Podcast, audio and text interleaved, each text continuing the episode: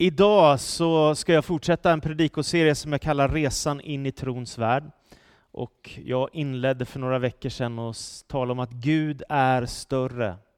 Och sen så har jag predikat om att Jesus är Herre. Det där kan man lyssna på på vår hemsida om du har missat någon söndag. Och idag ska jag fortsätta och predika om den helige Ande som är vår hjälpare. När det gäller resan in i trons värld som människor som vill ha med Gud att göra måste göra över hela världen, en och en i taget, så handlar det om en oerhört stor upptäckt. Det handlar om att få smaka på Guds härlighet och närvaro. Och det är en fantastisk erfarenhet därför att det förvandlar en människas liv när man inser att det här med andliga verkligheter är på riktigt, att Gud är på riktigt och att han bär mitt liv så blir det helt plötsligt oerhört betydelsefullt att få bli berörd av den helige Ande. Det är verkligen livsförvandlande. Att få känna Gud, du är här hos oss genom din Ande och du kommer med liv till oss. Att vara kristen är inte bara att bekänna ett antal trossatser. Vi tror på Gud Fader, vi tror på Jesus Kristus, vi tror på den helige Ande. Utan det är att ha erfarenhet av Gud, personlig erfarenhet av Gud. Eh, och det handlar om att drabbas av någonting större än dig själv och träda in i en andlig värld som är så rik och stor och mäktig att du blir fängslad och fångad om du bara öppnar dörren på allvar. Så händer något med ditt hjärta som är fantastiskt. Att drabbas av den helige Ande. Jag läser precis nu en bok som heter Du blir vad du älskar av en man som heter James Key A. Smith. Han skriver så här om erfarenheten av Gud. Du har drabbats av en vision. Gud har blivit större för dig. Du har insett något av evangeliets vidd och djup. Och Bibeln har blivit levande för dig på ett sätt som du aldrig tidigare varit med om. Och du inser att vi är skapade för att vara skapare och att vi har fått uppdraget att vara Guds avbilder genom att ta oss an det, gud, det gudagivna uppdraget att forma kultur, att vara med och forma världen alltså. Du har drabbats av en vision. Och det är det som händer människor över hela världen. När man börjar lära känna Jesus Kristus, när man börjar törsta efter Gud, när man börjar söka efter den helige Andes närvaro. Du har drabbats av en vision och den visionen är så gigantisk att du aldrig mer kan bli densamme. Det går inte. Om du har smakat på närvaron av den helige Ande, om du har förstått djupet i evangeliet och kraften ifrån Gud, så kan du aldrig mer vandra tillbaka. Och jag misstänker att när människor distanserar sig från Gud så är det någonting som saknas som man inte riktigt har fått smak på. Därför jag tänker att att få lära känna Gud och få bli berörd av helig Ande, det är att komma hem. Det är inte att komma bort eller bli någon märklig typ, utan det är att komma hem. Hem till Gud, vår far. Jesus säger att den som törstar efter Gud måste få dricka ur en källa av levande vatten. Jag tycker så mycket om den bilden. Strömmar av levande vatten. Det är den bilden som Jesus ger av den helige Ande, som ju är närvarande i hela världen. Och därför är det så fantastiskt att få söka efter den Andens kraft som finns för oss. Och den som är törstig behöver finna livets källa hos Kristus. Jesus säger i Johannes evangeliet kapitel 7 och vers 37, Johannes 7 och 37. Är någon törstig, så kom till mig och drick.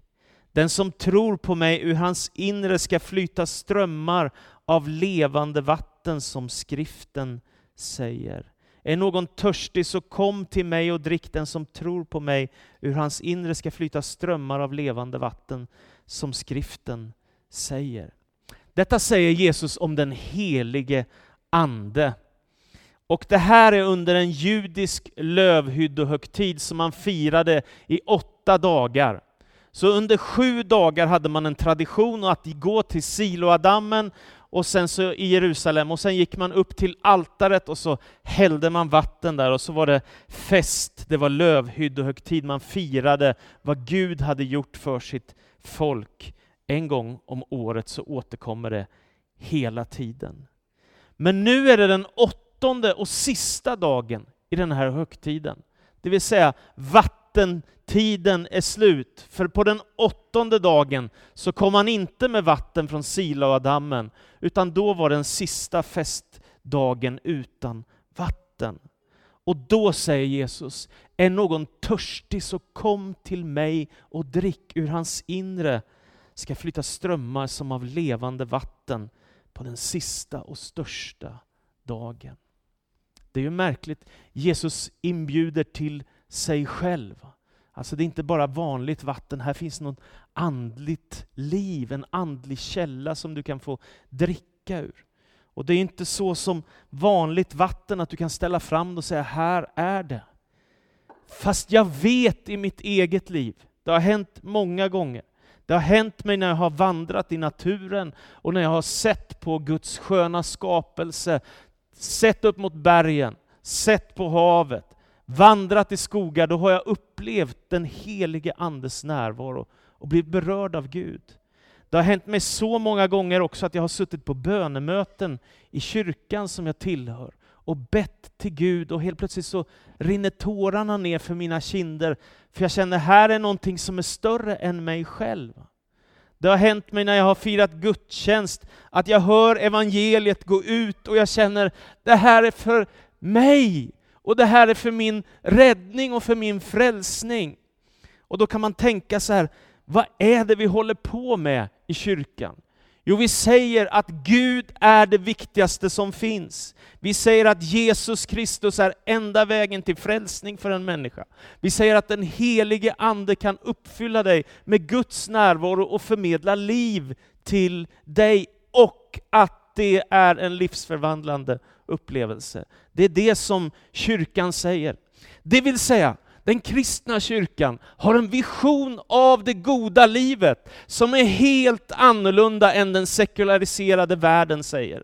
Den sekulariserade världen säger, köp så mycket du kan, bygg så mycket du kan, satsa så mycket du kan på dig själv, se till liksom att ditt liv blir bra för dig själv. Det är det all reklam handlar om. Köp ett par skor till, fixa en sak till i ditt eget liv för din egen skull. Och det är inget fel med det här, men jag säger bara att det goda livet ur den kristna kyrkan är någonting så mycket större och starkare, som har ett evighetsperspektiv. Det har ingen början och det har inget slut, det som har med Gud att göra. Därför att bli inbjuden till strömmar av levande vatten och det andliga livet, det är makalöst, det är stort. Du har blivit drabbad av en vision. Gud har blivit större för dig och du inser att här finns något som inte går att ersätta med något annat. Vad är det goda livet egentligen? Kyrkan säger det goda livet är att lära känna Gud, att lära känna Jesus Kristus, att söka den helige Andes kraft. Det finns en större vision än en ny bil, än en ny resa, än någonting. Det finns en större vision för ditt liv. Lär känna Gud. Vem är då den helige Ande? Anden är ett med Gud, säger Nya Testamentet. Det här är en sån fantastisk vision och jag vet att för en del är det förvirrande att tala om treenigheten. Och någon har sagt så här, försök att förklara det och du blir helt förvirrad och försök att inte tro det och du är helt lost. Alltså detta är kyrkans fantastiska bekännelse. Att Gud i skapelsen uppenbarar sig själv och sin härlighet. Och när tiden är inne så sänder han sin son Jesus Kristus för att bli människa och komma till oss. Och när Kristus ska återvända till himlen så sänder han istället hjälparen den helige Ande för att vara hos oss för alltid och bo i våra hjärtan. Det är därför när vi döper människor så säger vi inte bara ”vad roligt att du vill bli kristen”, utan vi säger ”jag döper dig i Faderns, Sonens och den helige Andes namn.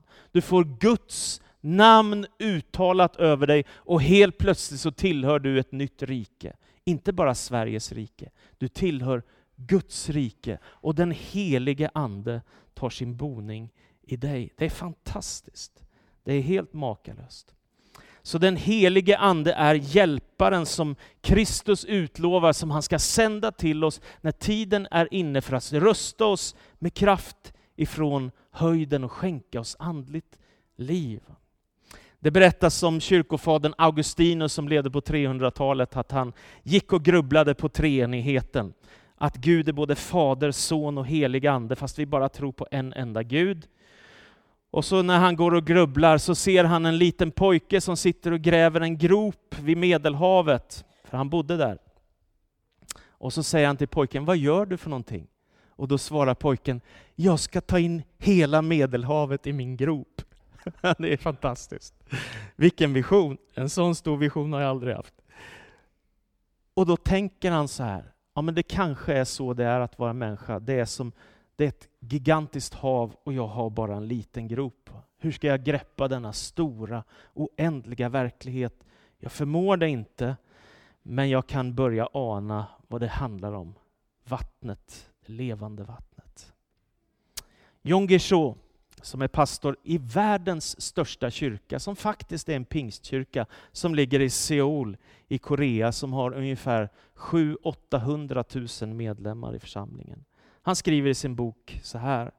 Den helige Ande är Guds verkställande representant idag. På ett övernaturligt sätt fortsätter han det arbete som Jesus påbörjade. Han finns bland miljoner kristna och hedningar runt om i hela världen.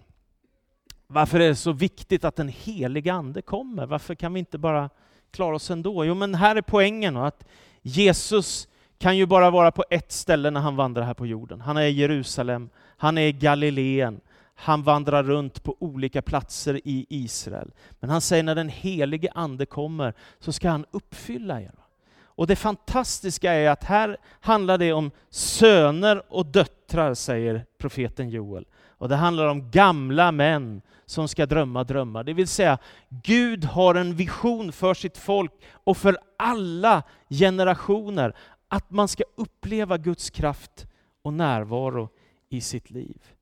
Vad gör då den helige Ande? Jo, den helige Ande är den som drar i dig. När du funderar på om, ska jag verkligen bli kristen?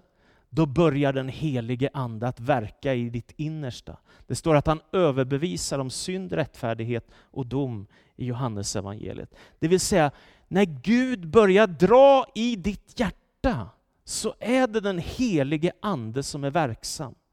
Och då kan det vara en kamp i människors liv.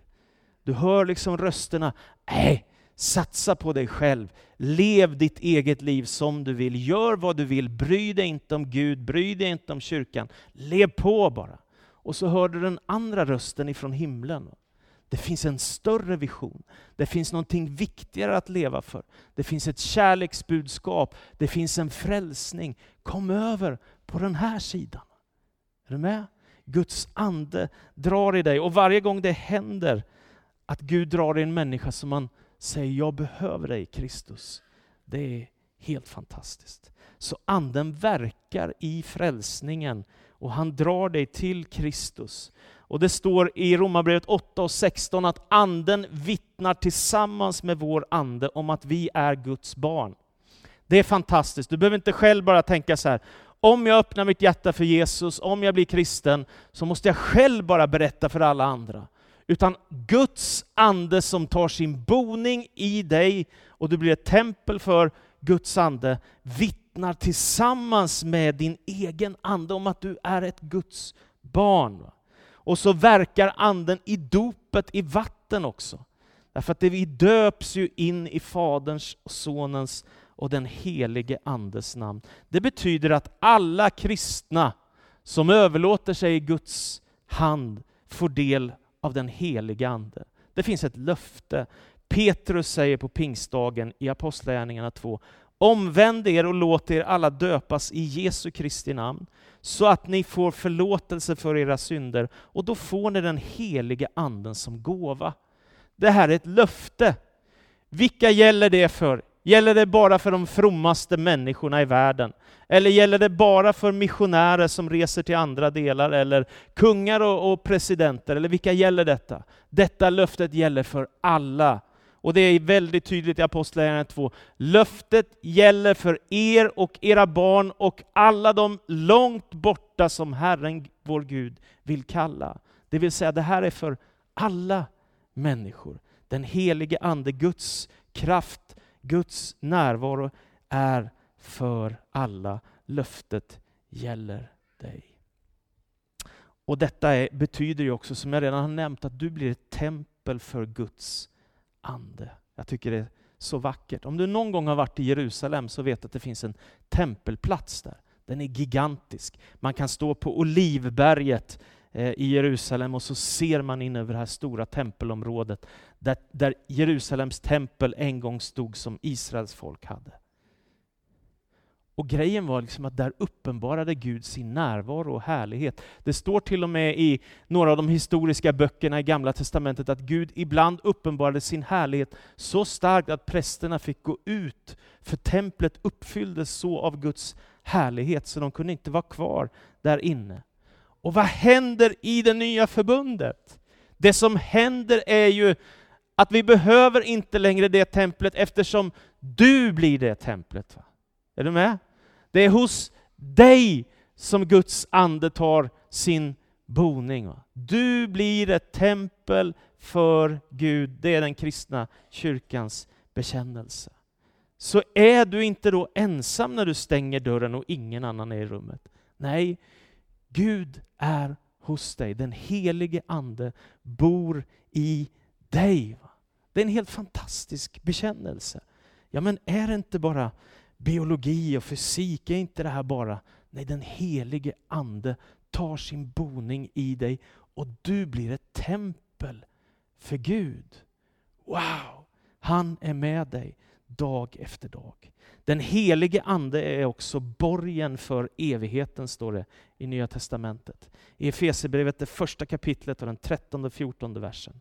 I honom har också ni sedan ni kommit till tro fått den utlovade heliga Anden som ett sigill. Den är en borgen för vårt arv, att Guds folk ska bli friköpt och Gud få pris och ära. Två bilder, sigill och borgen. Vad betyder det? Jo, men sigill är ju sånt där man stämplar fast. Alltså det är någonting som sitter på dig. Som du visar att du tillhör Gud. Och borgen, det är ju någonting som gör att jag vet att det här kommer. Liksom. Jag har gått i borgen för någonting. Detta är någonting, en pant som, som garanterar mitt hopp att Guds folk ska bli friköpt, att det finns en evig värld. Så vad är det du smakar på när du upplever den heliga Andes närvaro, och Guds närvaro i ditt liv? Jo, du smakar på himmelriket redan här och nu. Det är det som det handlar om. Du får del av himmelrikets krafter redan här och nu. Det är fantastiskt att få smaka den himmelska gåvan. Vi tillhör ju, den här kyrkan, vi är ju en del av kristenheten, men vi tillhör också något som kallas för pingströrelsen. Och pingströrelsen hade sitt moderna genombrott år 1906 på Azusa Street i Los Angeles. Det var fantastiska saker som hände. Det började på Bonnie Bray Street.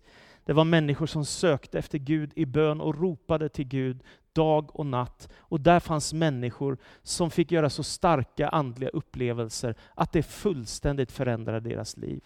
En av dem var en mycket enkel predikant som hette William Seymour. Han var blind på ena ögat, han hade haft en allvarlig sjukdom, han hade svåra utslag i sitt ansikte, han var halt. Men en sak kunde han när han blivit uppfylld av den heliga han kunde predika och människor kom i stora skaror. Det kom så mycket människor till Bonnie Bray Street i Los Angeles att, att hus, liksom framsidan av huset, där utanför huset, den här brakade samman, så de fick bestämma sig för att hyra någonstans där de skulle kunna fira gudstjänst. Så de hittade en övergiven gammal metodistkyrka som hade varit som ett stall ett tag och nu så satte de upp enkla sådana här tunnor och så lade de träplankor på och så började de att be och samlas och ropa till Gud. Och efter några veckor så är det 800 människor som samlas för att söka Gud. Och den ena efter den andra blir döpt i helig ande, får tungotalets gåva, människor blir botade från sjukdomar och människor ifrån hela världen börjar strömma till den här platsen. Efter bara en kort tid så har William Seymour, denne enkle, outbildade, halte predikant, ett nyhetsbrev med 50 000 prenumeranter. Är ni med? Och sen så sprider sig detta över hela världen. Och idag, den rörelse vi tillhör har kanske ett antal hundra miljoner medlemmar plus alla andra fantastiska kristna. Det finns något när människor söker Gud på allvar. Och på pingstdagen så står det att Apostlagärningarna 2, alla fylldes av helig ande och började tala andra tungomål med de ord som anden ingav dem. Och en del svenskar säger att det här går inte att fatta. Ja, det där med att be för sjuka tycker jag verkar häftigt, för det påminner ju om nyandlighet. Det är en del som säger så. Men tungotal fattar vi inte. Men tungotal är en fantastisk gåva därför att det handlar om att be till Gud med ett ord som du inte själv förstår, men som är en gåva som Gud kan ge till dig, som du får använda i ditt böneliv och det kan bli till stor välsignelse för dig. Jag har sagt det många gånger, jag säger det igen, för mig är det nästan som ett gudsbevis att jag har fått denna gåva, att jag fick den när jag var 18 år gammal efter att ha bett ungefär ett halvårs tid så fick jag bönesvar och så upplevde jag den här kraften som vi talade om. Så jag som var en lite försiktig kristen blev helt plötsligt så ganska så frimodig och berättade för människor om Jesus överallt dit jag kom. Märkligt, så kan det gå med livet.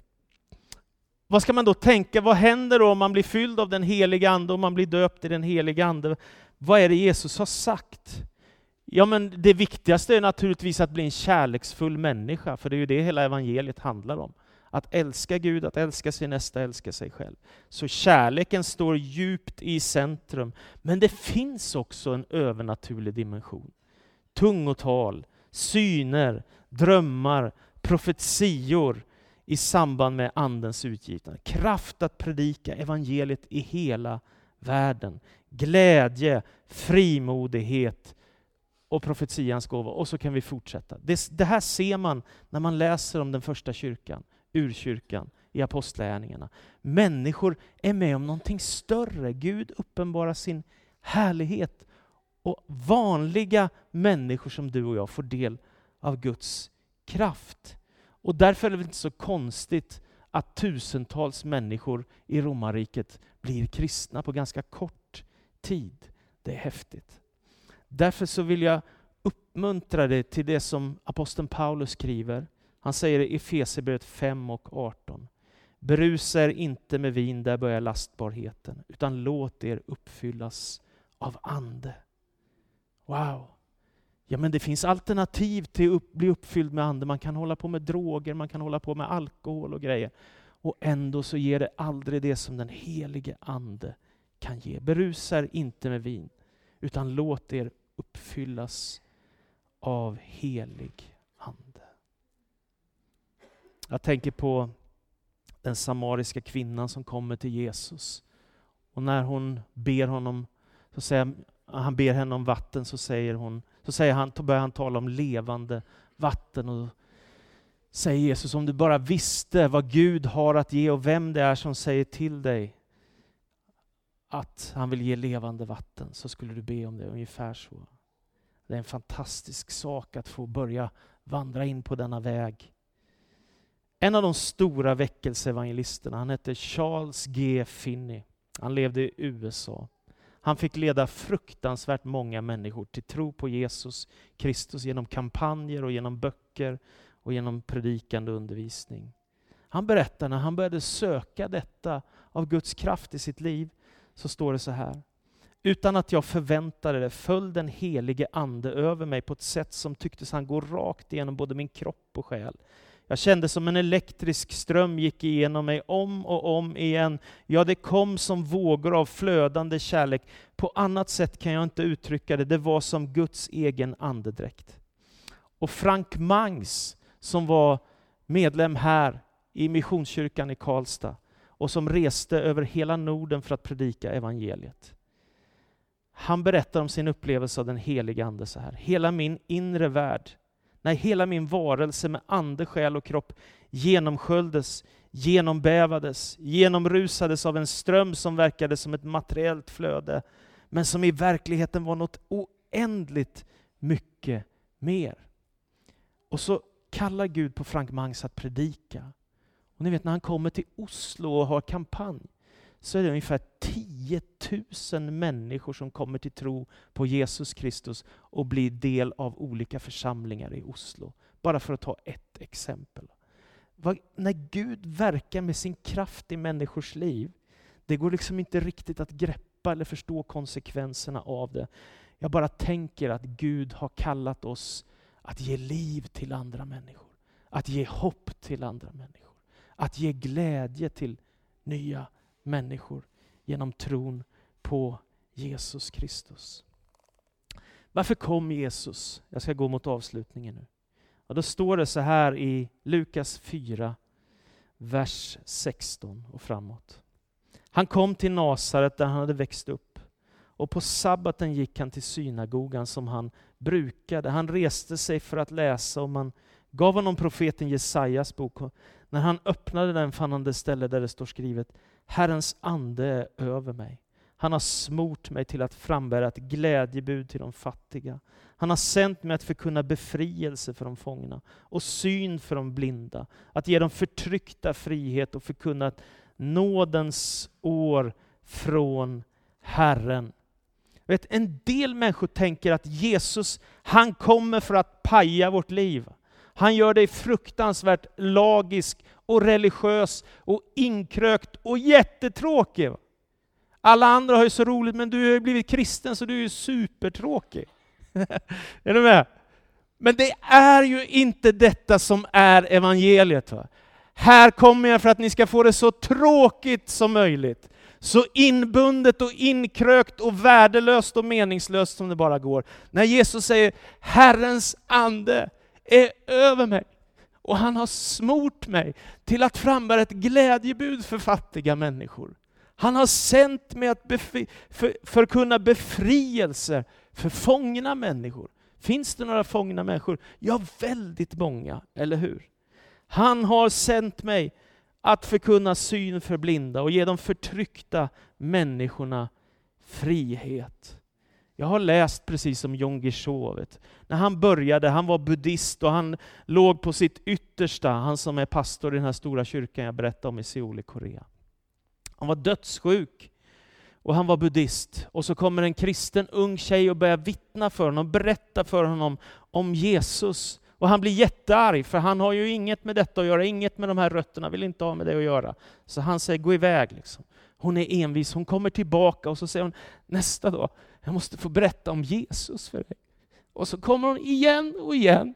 Och till slut när han är så fruktansvärt sjuk i tuberkulos, om jag nu minns rätt, så känner jag, jag behöver ju detta. Så han prövar att be och han börjar söka Gud och så blir han frälst. Och så känner han, han ser alla de här fattiga människorna i Korea som har det så fruktansvärt svårt, så inser han ju när Gud kallar på dem, jag måste predika hopp för människor. Och det gör han. Och 50-60 år senare så har han fått se världens största kyrka växa fram. Med någonstans 700 000 medlemmar. Vem vet vad Gud kan göra i ditt liv om du öppnar dig för den helige Ande?